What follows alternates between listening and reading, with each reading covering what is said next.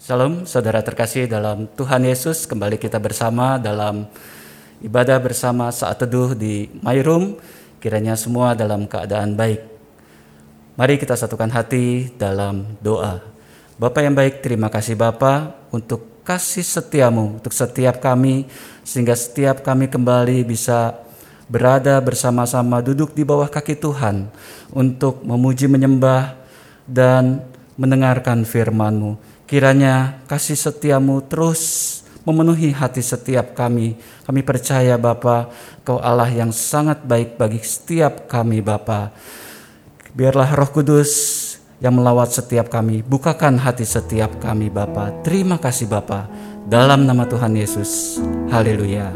Amin. Tuhan kau sempurna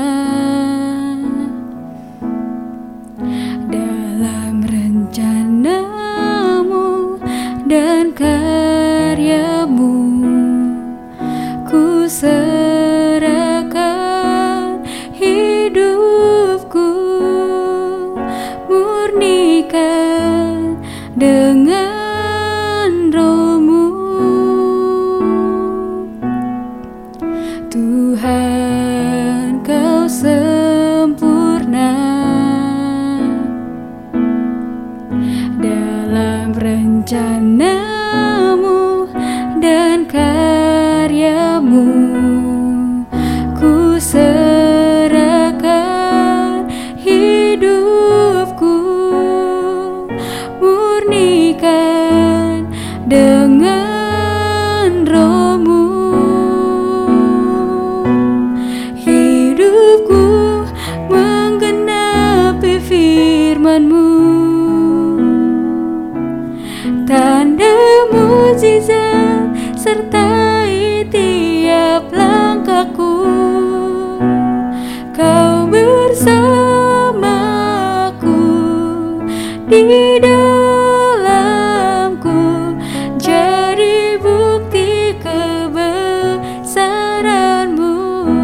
rencana kita ulangi lagu ini sekali lagi.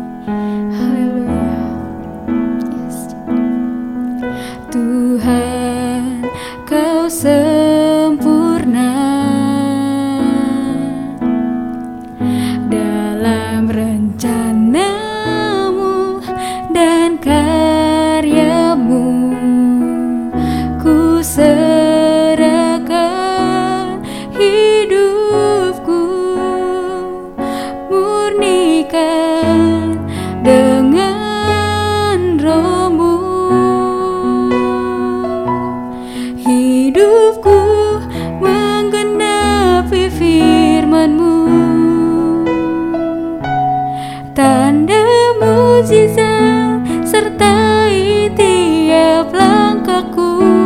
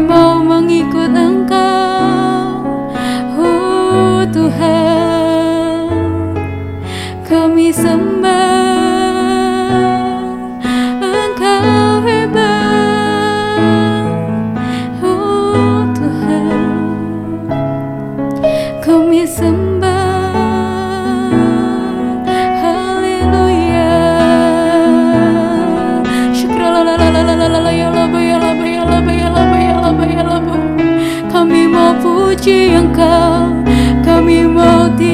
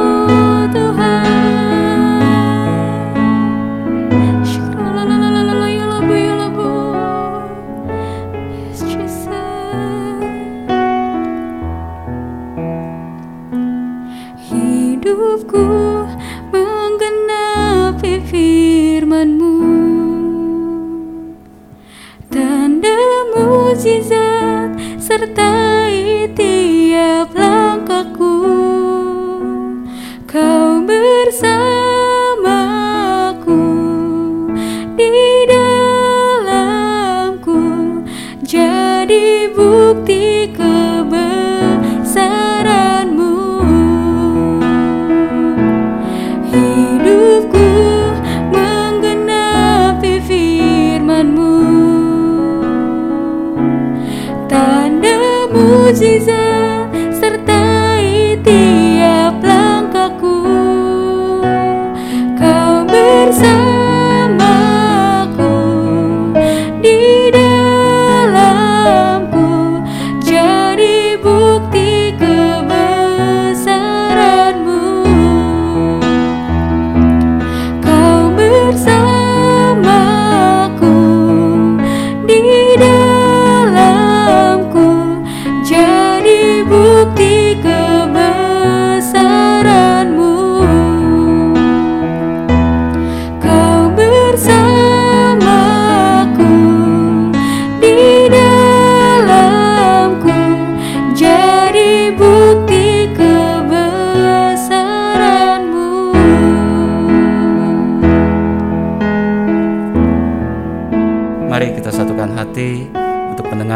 Sharing firman Tuhan.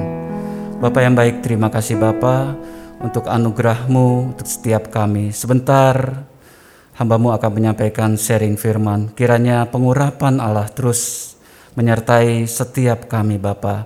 Bukakan hati setiap kami sehingga setiap firman yang disampaikan mencerahkan, menguatkan, bahkan menuntun setiap langkah kami Bapa.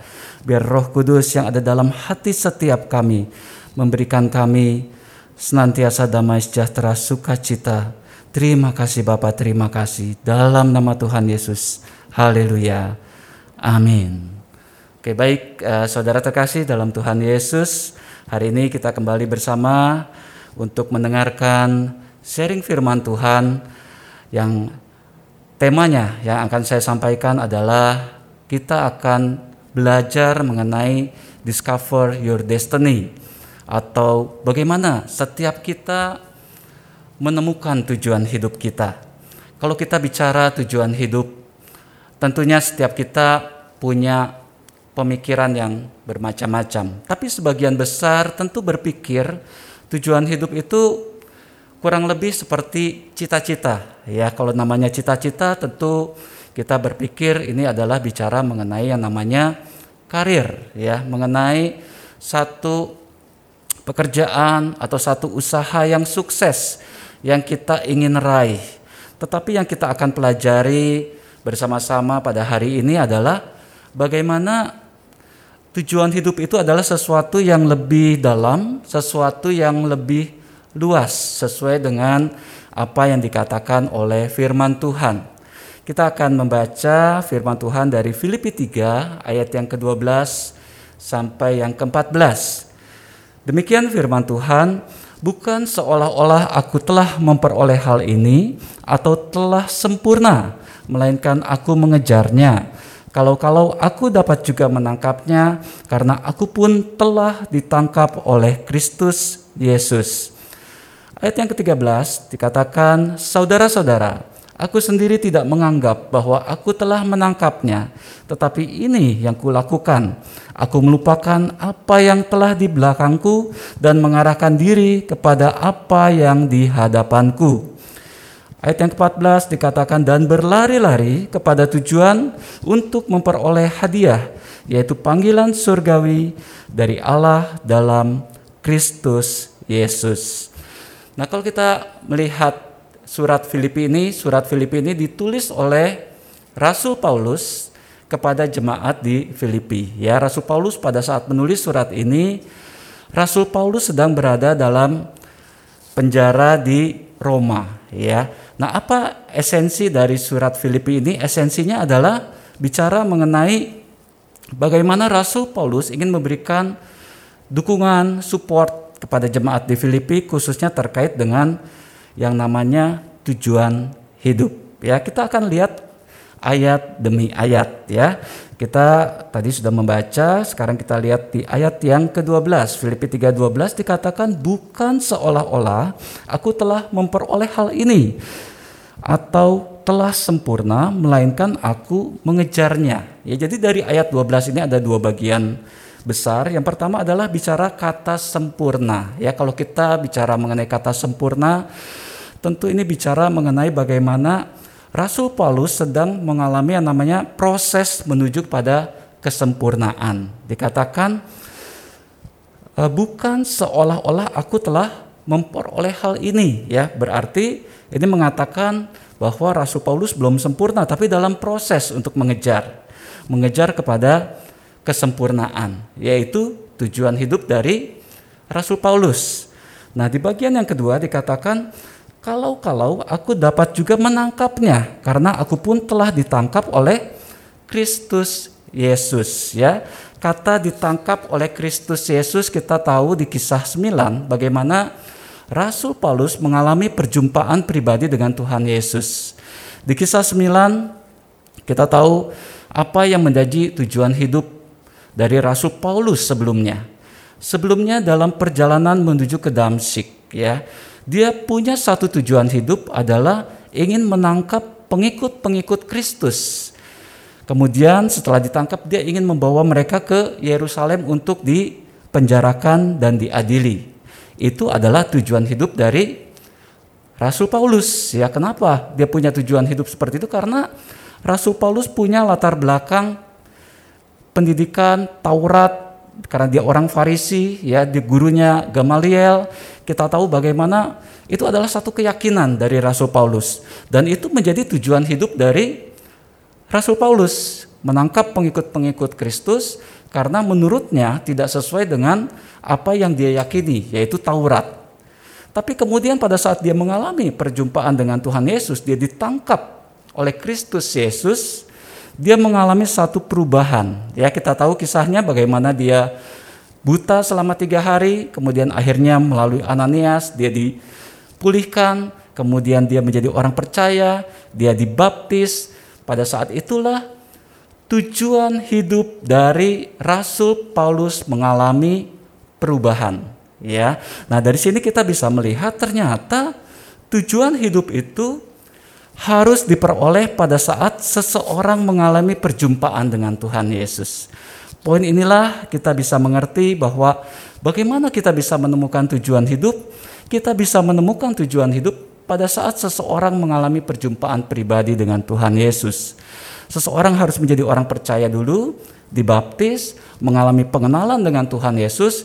Ini adalah titik awal bagaimana setiap kita bisa menemukan tujuan hidup kita yang benar, yang sesungguhnya. Ya, karena sebelumnya bukan berarti Rasul Paulus nggak punya tujuan hidup, dia sudah punya tujuan hidup, tetapi tujuan hidup yang salah. Tujuan hidup yang benar pada saat dia berjumpa dengan Tuhan Yesus. Kita akan melihat ayat firman Tuhan dari Yohanes 14, 16 sampai 17 dikatakan, Aku akan minta kepada Bapa dan ia akan memberikan kepadamu seorang penolong yang lain supaya ia menyertai kamu selama-lamanya, yaitu roh kebenaran. Dunia tidak dapat menerima dia, sebab dunia tidak melihat dia dan tidak mengenal dia, tetapi kamu mengenal dia, sebab ia menyertai kamu dan akan diam di dalam kamu. Nah, dari ayat ini kita bisa melihat bahwa ternyata kenapa orang baru bisa menemukan tujuan hidup setelah jadi orang percaya karena ada yang namanya Roh Kudus di dalam dirinya. Pada saat seseorang percaya pada Tuhan Yesus, Roh Kudus ada dalam dirinya, yang itu adalah roh kebenaran. Nah, roh kebenaran inilah yang akan menyertai orang percaya untuk mendapatkan yang namanya tujuan hidup yang benar. Jadi, kita akan melihat, kita mengerti bahwa sekarang ternyata poin pertama untuk bisa menemukan tujuan hidup adalah pada saat kita mengalami perjumpaan dengan Tuhan Yesus, dipenuhi dengan Roh Kudus yang adalah roh kebenaran, itulah yang menuntun setiap kita. Kita akan lihat ayat berikutnya di Filipi 3 ayat yang ke-13 dikatakan Saudara-saudara, aku sendiri tidak menganggap bahwa aku telah menangkapnya. Tetapi ini yang kulakukan, aku melupakan apa yang telah di belakangku dan mengarahkan diri kepada apa yang di hadapanku. Poin penting dari ayat ini kita bicara mengenai kata melupakan apa yang di belakang. Setiap kita punya yang namanya masa lalu, ya. Kita semua punya latar belakang. Kita lahir di keluarga yang berbeda kita sekolah di sekolah yang berbeda, kita punya pengalaman-pengalaman yang berbeda, dan kadang itu bisa membuat kita mengalami yang namanya kekecewaan, bahkan kepahitan, ya. Dan ini yang bisa membuat seseorang mengalami yang namanya uh, kerusakan pada gambar dirinya, ya. Jati dirinya menjadi rusak. Kenapa hal ini bisa terjadi? Inilah yang bisa membuat seseorang kehilangan apa yang menjadi tujuan hidupnya ya karena pengalaman-pengalaman yang melukai hidupnya. Kita tahu kisah dari Gideon ya bagaimana Gideon pada saat ketemu dengan Tuhan pun dia mengalami gambar diri yang rusak. Dia mengatakan kaumku ini adalah kaum yang paling kecil ya. Keluargaku aku adalah yang paling muda. Dia nggak pede dia nggak percaya diri. Tetapi kita tahu apa yang terjadi pada Gideon pada saat dia mengalami perjumpaan dengan Tuhan, dia berhasil membebaskan bangsa Israel dari bangsa Midian. Ini adalah sesuatu yang penting buat setiap kita untuk bisa melangkah dari gambar diri yang rusak, dipulihkan, kemudian kita mulai melangkah menuju kepada tujuan hidup yang benar. Ya dari dari ayat Filipi 3 Ayat yang ke-13 dikatakan bahwa kita harus melupakan apa yang di belakangku. Artinya gambar diri kita harus kita pulihkan, kita harus percaya pada saat kita sudah menjadi anak Tuhan, gambar diri kita sudah dipulihkan dan kita mulai mengarahkan diri kepada apa yang ada di hadapan kita. Jadi artinya bahwa kita mulai melangkah bagaimana satu tujuan hidup itu bisa berprogres, bisa berjalan dengan baik pada saat seseorang sudah dipulihkan gambar dirinya.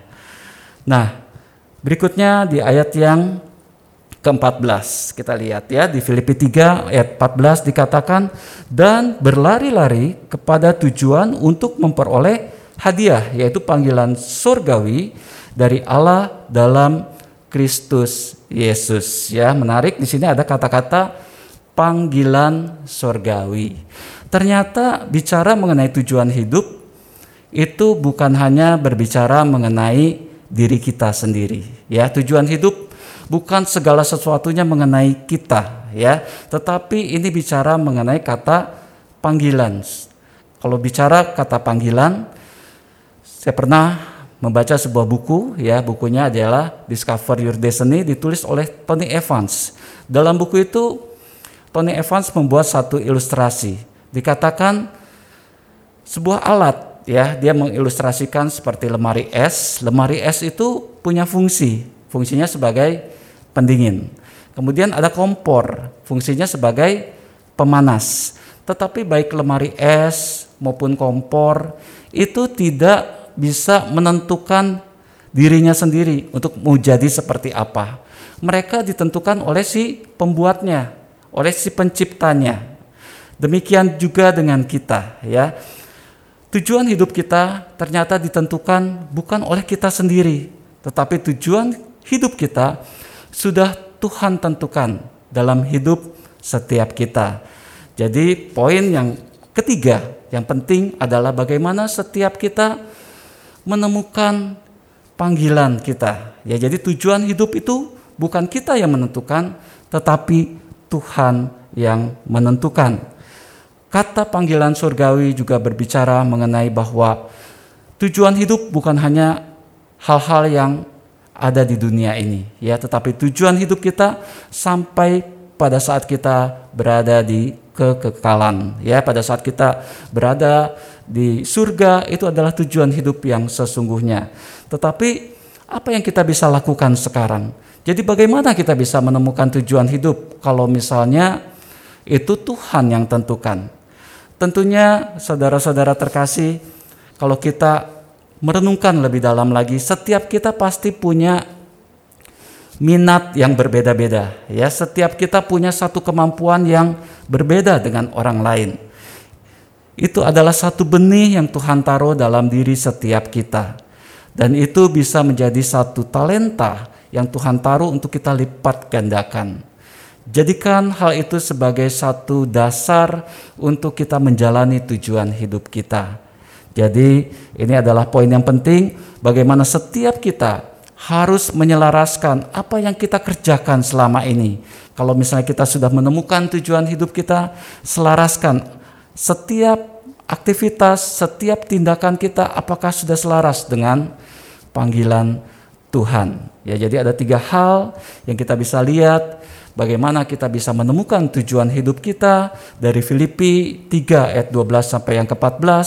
Poin pertama adalah tujuan hidup yang benar saat setiap orang percaya dipenuhi dengan Roh Kudus, mengalami perjumpaan dengan Tuhan Yesus. Itu adalah starting awal kita untuk menemukan tujuan hidup kita. Apabila saudara terkasih belum menemukan tujuan hidup, mulailah alami perjumpaan dengan Tuhan supaya tahu roh kebenaran yang di dalam kita itu yang menuntun kita untuk mengetahui apa yang menjadi tujuan hidup kita.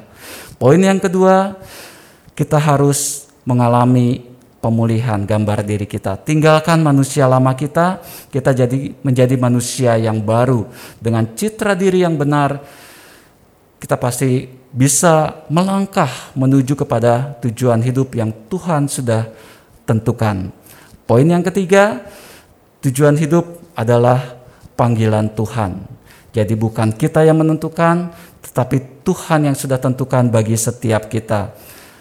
Mari kita renungkan apakah tujuan hidup kita berbicara bagaimana buah yang sudah kita hasilkan. Apabila kita masih belum menghasilkan buah, belum menjadi berkat bagi orang-orang di sekitar kita, mari segera selaraskan. Saya percaya renungan malam hari ini kiranya bisa mencerahkan setiap kita, bisa menuntun setiap langkah kita, dan setiap kita bisa menemukan tujuan hidup kita dan apabila kita mulai kehilangan arah dalam hidup kita kembali kepada tujuan hidup yang Tuhan sudah tetapkan bagi setiap kita. Tuhan Yesus memberkati. Mari kita satukan hati di dalam doa. Bapak yang baik, terima kasih Bapak untuk kasih setiamu buat setiap kami, untuk firman yang sudah kami dengarkan Bapak. Biarlah setiap kami bisa menemukan tujuan hidup yang benar sesuai dengan apa yang menjadi panggilanmu Bapa. Kami ingin juga Bapa, apabila kami memiliki pengalaman-pengalaman yang buruk yang bisa menghambat kami melangkah untuk menjalani tujuan hidup setiap kami. Biarlah Roh Kudus kasihmu yang memulihkan setiap kami. Kami percaya Bapa, tiada perkara yang sulit Tiada perkara yang sukar dan kami percaya kami hidup di dunia ini bukan kebetulan, tetapi ada rencanamu yang indah buat setiap kami. Pakai setiap kami menjadi alatmu, biarlah hidup kami bisa berarti, bisa memuliakan akan engkau, memuliakan akan kebesaran namamu. Terima kasih Bapak, terima kasih. Dalam nama Tuhan Yesus, kami telah berdoa, kami ucap syukur. Haleluya. Amin. Baik, saudara-saudara terkasih, demikian sharing firman pada hari ini. Sampai bertemu kembali di ibadah My Room berikutnya. Tuhan Yesus memberkati.